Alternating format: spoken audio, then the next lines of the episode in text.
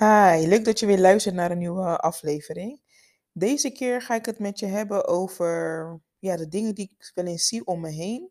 Ehm, en dat zijn dingen die ondernemers niet doen, kansen die ze laten liggen en daardoor dus ook omzet. En ik baal daar enorm van, want als ik dat dan zie gebeuren, dan denk ik echt van, oh jeetje, waarom doe je dat nou? En dan mijn handen jeuken daar echt van en dan wil ik gewoon echt ingrijpen en hun eh, virtueel door elkaar schudden. Dit zijn vooral dingen die ik namelijk ehm, veel online tegenkom. Ehm, ik ga een aantal voorbeelden met je doornemen. En dan eh, hoop ik vooral dat je er iets aan hebt. Laat het um, eventjes weten in een DM straks als je klaar bent met luisteren. En laat me even weten ja, wat, wat, wat je hieruit gehaald hebt. Waarvan je denkt van, ah, kak, dat deed ik en dat moet ik echt wel anders doen. Voorbeeld nummer 1 is dat ik ehm, een paar maanden terug een gesprek had met een coach.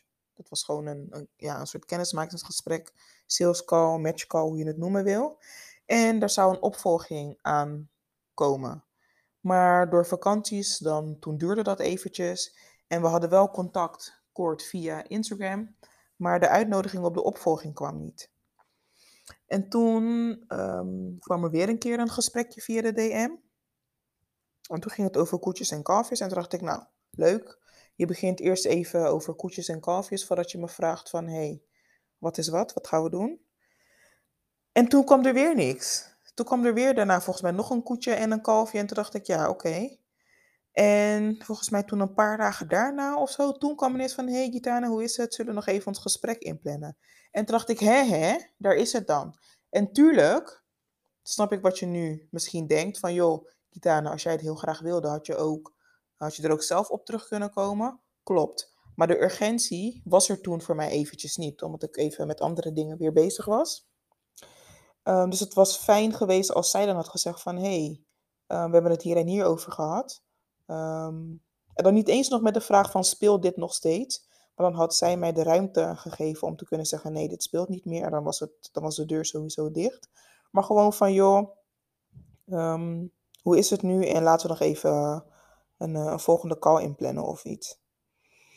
Een volgend voorbeeld, wat ik uh, graag aan je wil voorleggen, is dat ik uh, een tijdje terug een masterclass heb bijgewoond, een betaalde masterclass. En na die masterclass, toen was het erg stil. De masterclass was geweest en nou ja, ik, ik verwachtte eigenlijk e-mails. Ik noem het altijd een e-mailtreintje. En het heeft vast een andere naam. Maar gewoon een aantal opvolgmails met van, hey, hoe vond je het? En wil je hier hulp bij? Doe dan nu dit of dat of weet ik veel. Of even een mailtje met nog wat extra waarde. En dan pas van, joh, uh, wil je hulp? Doe dit of bel mij of stuur een postduif. Maar die e-mail, die kwam niet. Het e-mailtreintje kwam niet. Er kwam niks in mijn DM. Gewoon niks. Gewoon alleen krekelgeluiden. En dan denk ik, ja, dit is zo'n gemiste kans. En ik had natuurlijk, ik had me aangemeld voor haar masterclass, omdat ik geïnteresseerd was in wat zij zou vertellen tijdens die masterclass. Ze heeft volgens mij ook geen upsell gedaan tijdens die masterclass, bedenk ik me nu. En dat is ook nog niet eens per se heel erg nodig. Um, maar goed, ik, ik miste gewoon van dat van, joh, wil je klant bij mij worden? Of word klant bij mij? Dat miste ik gewoon heel erg. En dan had ik daarvoor, voor de masterclass, had ik al een gesprekje met haar gehad. Ik had al een, uh, hoe noem je dat? Een, uh, een keer een kennismaking of iets gehad. Dus bij mij was er gewoon al extra opening. Ik was al wat opgewarmd.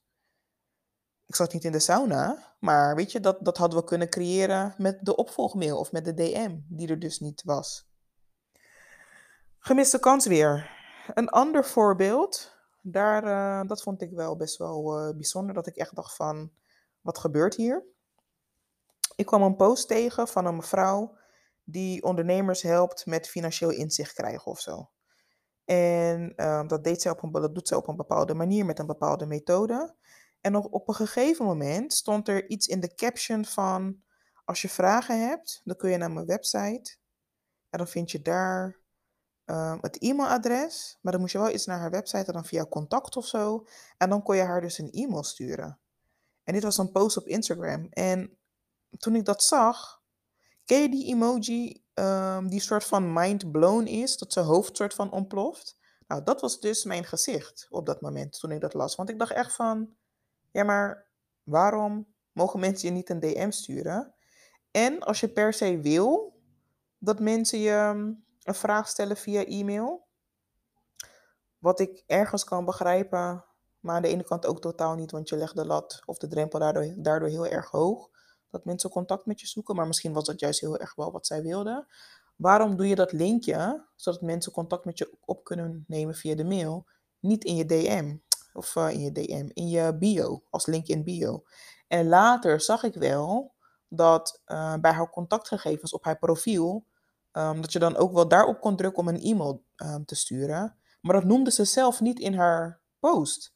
Want om contact op te nemen met haar voor vragen, moest je eerst naar haar website. Dat ik denk, dit is super omslachtig. Niemand heeft tijd voor dit. Niemand gaat dit doen. Tenzij de urgentie super, super, super hoog is van haar ideale klant die dat bericht zou lezen. Maar verder gaat gewoon niemand dit doen. En ik wilde erachteraan zeggen dat is oké, maar dat, dat is het niet. Ik, ik vind dat niet oké.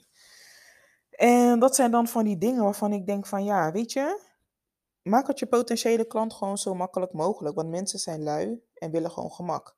En je klanten zijn ook mensen. Los van dat het misschien, misschien ook wel ondernemers zijn. Het zijn gewoon mensen en die zijn ook lui en die willen gewoon ehm, niet te veel moeite ergens voor hoeven doen.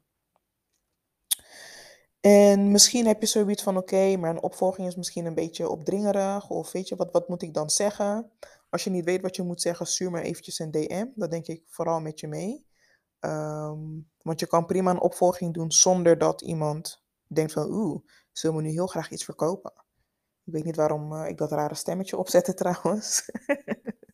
maar goed, een opvolging is niet opdringerig, hè? Omdat het moment dat jij iemand iets probeert te verkopen, dan probeer je iemand te helpen. En sowieso stond de persoon al open voor dat wat jij te bieden hebt, anders had je dat gesprek in eerste instantie niet gehad. En het kan vaak ook um, dienen als herinnering. Um, van joh, we hebben contact gehad. Laten we weer eventjes opnieuw contact hebben. En weet je, dat je dan met die klant spreekt, met die potentiële klant. En even het laatste setje geeft. Want in het eerste voorbeeld wat ik noemde over de coach. Dat was gewoon wat ik nodig had. Het laatste setje. En dat setje kwam maar niet. En ik zat er wel een soort van op te wachten. Dus ja, en natuurlijk kun je denken van, joh, weet je, ik wil niet met deze persoon werken Stel je hebt bijvoorbeeld een, een match call gehad, een sales call, een groeistrategie, een strategiegesprek. Geef het een naam. En je denkt van, hmm, ik denk niet dat je helemaal mijn ideale klant bent. Ik wil niet met jou werken. En dan doe je daarna een soort van niks. Dus geen opvolging. En mocht je dat gedaan hebben, wil ik je vragen om dit alsjeblieft nooit meer te doen.